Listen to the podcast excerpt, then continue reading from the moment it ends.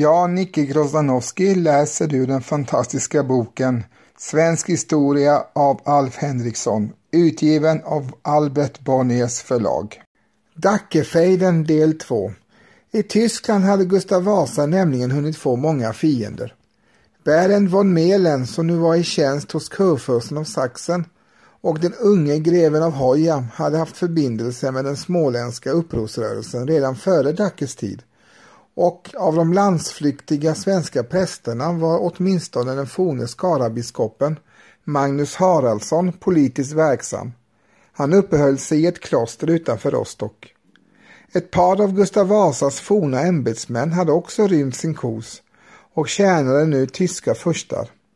Wilf Gieler som hade varit hans sekreterare en gång och gång på gång råkat ut för hans raseri talade förvisso inte väl om Gustav Vasa och kamreraren Olof Bröms, som av konungen beskylldes för att ha förskingrat, hade anställning hos hertig Albrecht av Mecklenburg och skrev på dennes vägnar ett brev till Dacke, vari meddelades att hertigen inte alls var ohågad att låta uppsätta sig på svenskarnas tron, men att han behövde en summa pengar att värva trupper för.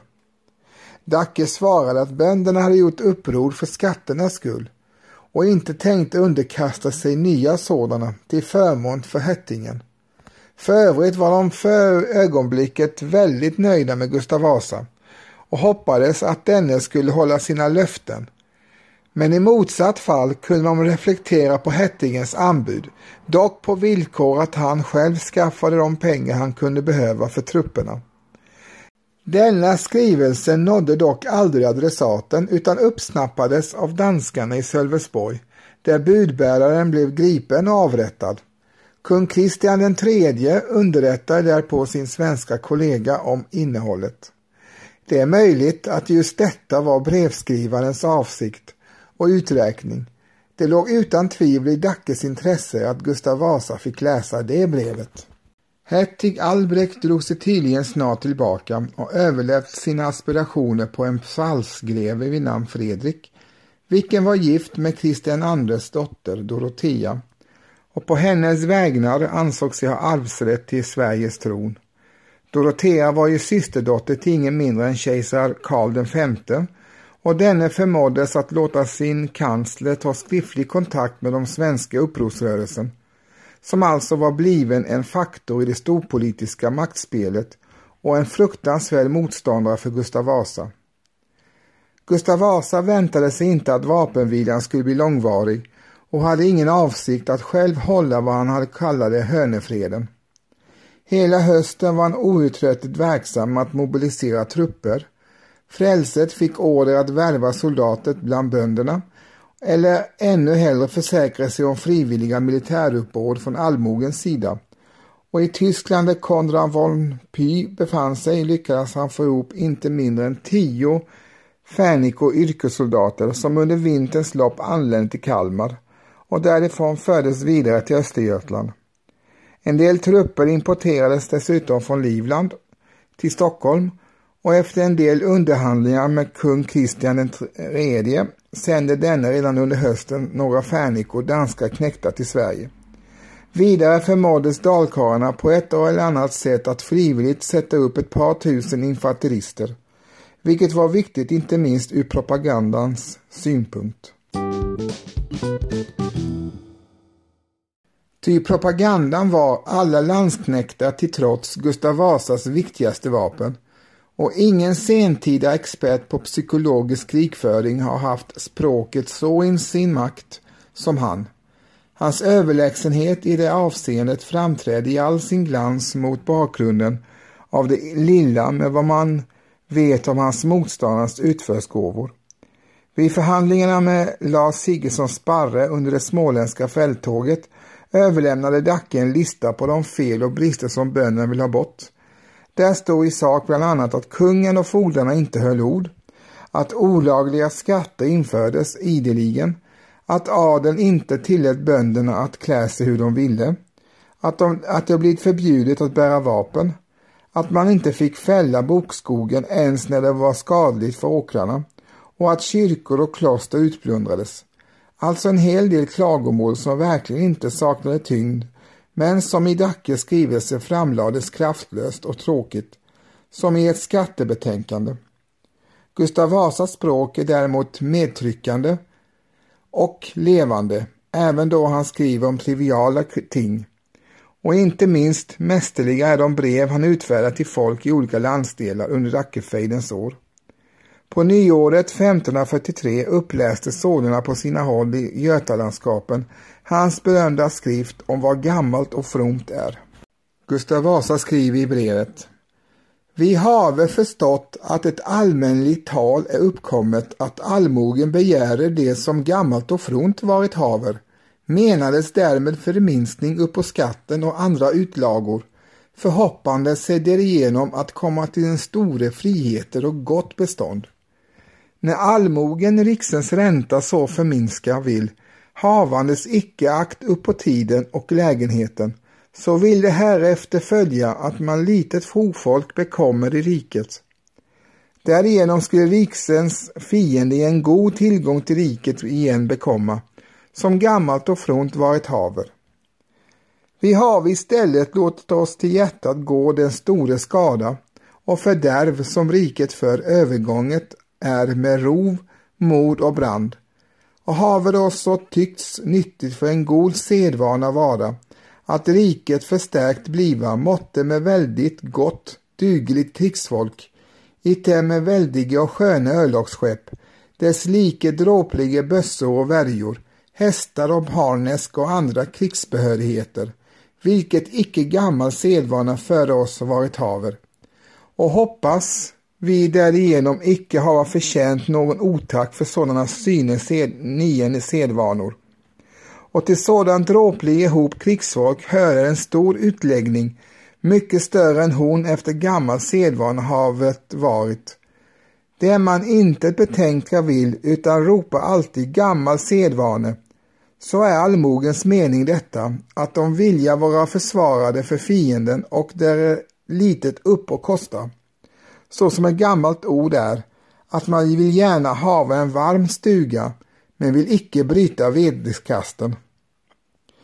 Den tid de gamla sedvänjor rådde höll man ganska ringa folk. I en hop skärjebåt och annat prackeri, där varken hjälp eller tröste med följde.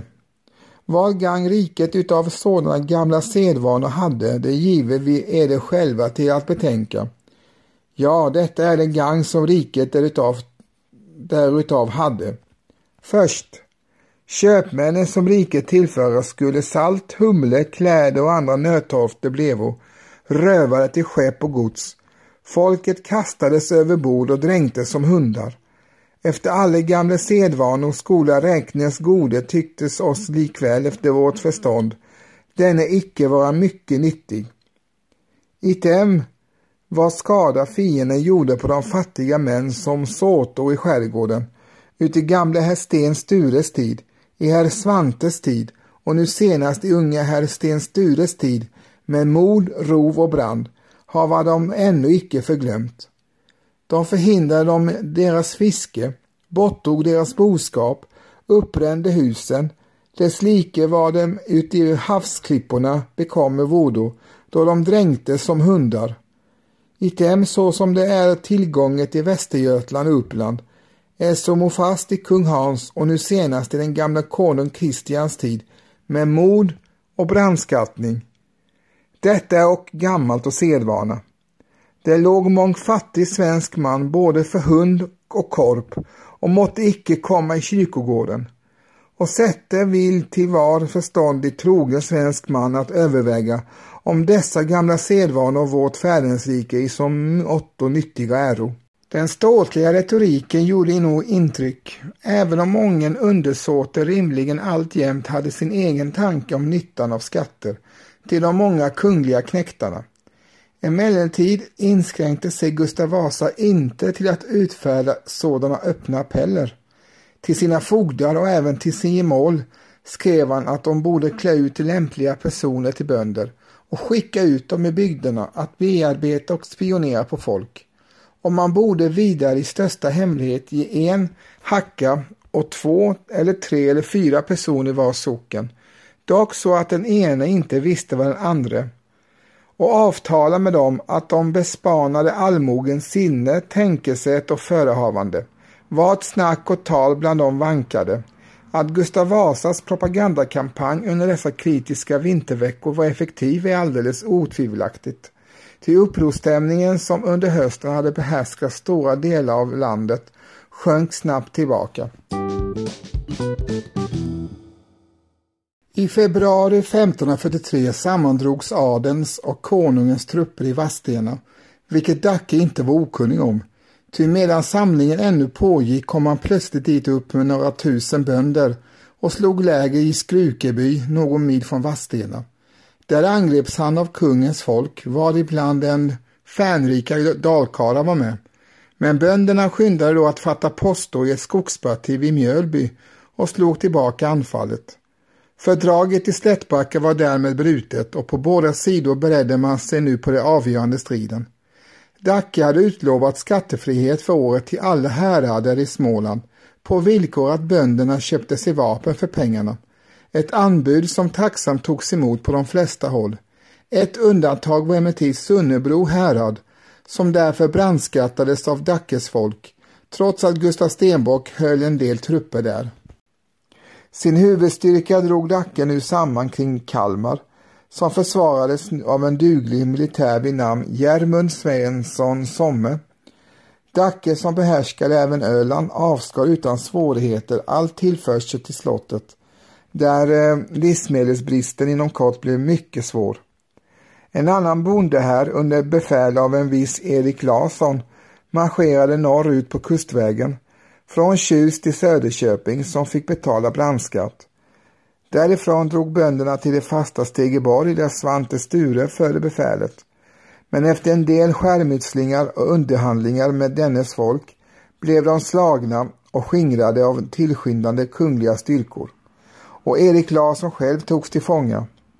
Ungefär samtidigt hävdes Kalmars eh, belägring genom att Germund Svensson Somme oförmodat ryckte ut ur slottet och med alla sina resurser överföll de belägrade böndernas läger vid Kläckeberga.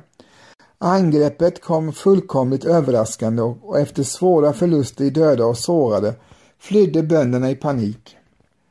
De kungliga trupperna i Östergötland satte sig nu i rörelse söderut. En mindre avdelning marscherade till Tjust under befäl av Svante Sture som var personligen populär bland bönderna och snabbt lyckades pacificera dessa trakter. Trots Gustav Vasa gav order om att eh, 15 av de bästa bönderna skulle lämnas som gisslan och att ingen skonsamhet skulle visas mot dem som aktivt hade deltagit i upproret. Härens huvudstyrkor Lars Siggesson Sparre och Johan Turesson Tre Rosor drog emellertid mot Småland genom Kind och Ydre och någon gång i mars stod den avgörande rabbningen på en frusen sjö. Ovisst vilken. Enligt alla äldre historieskrivare skulle det ha varit Åsunden ett par mil norr om Vimmerby. Men senare forskare vill förlägga slaget till sjön Jotten utanför Visserum. Säkert är att det blev en katastrof för Dacke och hans folk. Själv blev han skjuten genom båda låren men räddades till livet av sina vänner Peder Djup och Sven i Flaka, säger legenden. Dessa bar honom nämligen ut ur striden och förde honom i säkerhet och hans gömställe har sedermera visats för turister såväl i Södra Vi som i Rumskulla socken på östgötagränsen. Många av hans anhängare stupade, andra tillfångatogs och hans fångne hövitsman Gödde Hane dog av skräck vid blotta åsynen av det stegel på vilket han skulle rådbråkas till döds, berättar Per Brahe. Någon skonsamhet mot de slagna visades nämligen inte. Åt soldaterna medgavs fri plundring i större delen av Småland samtidigt som övriga landskap förbjöds att sälja spannmål eller andra livsmedel dit. Socknarna dömdes att erlägga kollektiva böter som togs, togs ut framförallt i gestalt av så kallade soningsoxar. Över tusen sådana drevs i sinom tid från Småland till kronans follor. Särskilda kompanier och gångekarlar beordrades att kamma igenom provinsen. De skulle vara förklädda till bönder och ta fast alla eller en var som hade haft med upproret att göra. Alla som hade varit med om att plundra herrgårdar eller dräpa kronans tjänstemän skulle obenhörligen mista liv och gods och flera präster som hade stått på upprorsmännens sida avrättades också som grova förbrytare. Tydligen var det genomgående den romerska rättens förräderistraff man tillämpade. Rådbråkning, fyrdelning och dylika skrämmande avrättningsmetoder var flitigt i bruk. Denna skräckinjagande framfart framkallade i sin tur några förtvivlade överfall och plundringståg från böndernas sida. Men någon fara för det kungliga väldet utgör de inte längre. Och i maj beordrades frälseuppbådet, dalkarlarna och de utländska knäktarna att åter utrymma Småland, som var utblottat och inte kunde försörja dem mer. I juni framträdde Nils Dacke igen, mer eller mindre återställd efter sina sår. En dag i början av månaden stod fogden Peder Nilsson och höll räfsting uppe i Ydre, omgiven av ett par hundra knäktar. Och då uppträdde plötsligen Sven i Flaka, som med tingmenighetens hjälp sårade fogden och drev knäktarna på flykten, men olyckligtvis stupade han själv. Dacke hade under tiden lyckats samla ihop några hundra man av sina trogna och uppehöll sig vid Högsby, där han hade medhåll av konungens egen länsman som hette Harald i Valåker. Emellertid fick Gustav Vasa snart veta var upprorsledaren fanns och satte strax till alla klutar för att fånga honom. Den sista juni anlände från Kalmar en officer som hette Jakob Bagge med 700 man till Högsby, varvid Dacke drog sig undan västerut. Jakob Bagge höll emellertid förhör, krävde trohetsförsäkran av bönderna, tog gisslan samt lät omedelbart avrätta så många lyckades få tag i, i av Dackes anhängare, bland dem länsman Harald. Dagen därpå uppträdde Dacke vid Fagerhults kyrka och försökte förmå sockenmännen att gå man och huse mot Jakobs Bagges knäktar, vilket hade varit klart vanvett, ty det fanns bara 200 vapenföra män i hela socknen. Bönderna sade alltså nej och Dacke fortsatte till grannsocknen Älghult där både länsmannen och kyrkoherden stod på hans sida och varnade Dacke då Jakob Bagge inom kort kom dit. Båda två fick sedan plikta för detta med sina liv. Dacke själv drog vidare till Lenhovda där han med sitt folk stötte ihop med en trupp militär som var utsänd från Kronobergs slott för att hjälpa Jakob Bagge. Denna trupp slogs på flykten, men detta är den sista man hör om Dacke som ledare i en strid. Ty i dessa trakter tycks han ha upplöst sin sista skara, varefter han gick sin egen väg. Spaningen efter honom bedrevs dock alltjämt med våldsam iver, ty vetskapen om Dackes utländska förbindelser fyllde Gustav Vasa med fruktan för den ensamma flyktingen. Man bearbetade outtröttligt de danska myndigheterna i Blekinge i ärendet eftersom det kunde väntas att han förr eller senare skulle försöka ta sig över gränsen i sina hemtrakter. Det tycks han också ha gjort. Traditionen säger att han så småningom kom till sin egen gård Henstorp där han med sin mors hjälp lyckades gömma sig i en källare undan kungens utsända. Därifrån gick han till sist över Blekingegränsen och tog sin tillflykt till Rödebyskogen där han så som skogstjuvarnas anförare hade börjat sin offentliga bana året förut och där han omsider mötte sitt öde. Han blev nämligen förrådd av en viss Peder skrivare som hade varit inblandad i resningen och nu köpte sitt eget liv såsom vägvisare åt knäktarna. Man hittade flyktingen men lyckades inte komma åt honom levande, så som Gustav Vasa gärna hade velat. Istället blev han ihjälskjuten med pilar varefter kroppen fördes till Kalmar, högst i fyra bitar och sattes på stegel och hjul efter tidens sed. Gustav Vasa skrev till Hjelmus Svennesson Somme att han fick väl låta sig nöja sig med detta, ehuru Dacke hade förtjänat värre straff. Nu gäller det också att få tag i hans sällskap och hans kona och trollkärringen till hans moder. Hur det gick för Dackes mor och hustru är obekant. Det finns inga uppgifter alls om saken. Men man kan nog befara det värsta. Hans farbror Olof Dacke och hans bror eller kusin Åke Dacke infångades nämligen.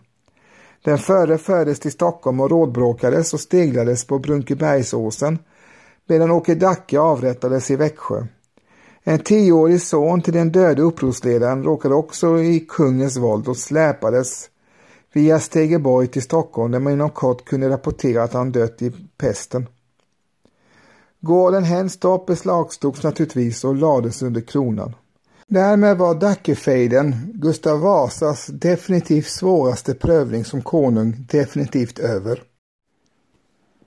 Ni har precis hört mig, Nicke Grozanowski, läsa ett stycke ur den fantastiska boken Svensk historia som är skriven av Alf Henriksson och utgiven av Albert Bonniers förlag.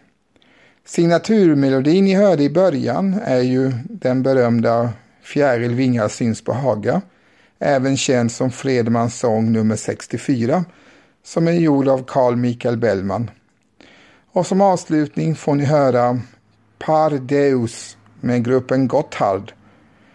Podden utkommer två gånger i veckan, lördagar och onsdagar med bonusavsnitt lite då och då, så håll utkik. Tack för att ni lyssnade. På återhörande. Hej!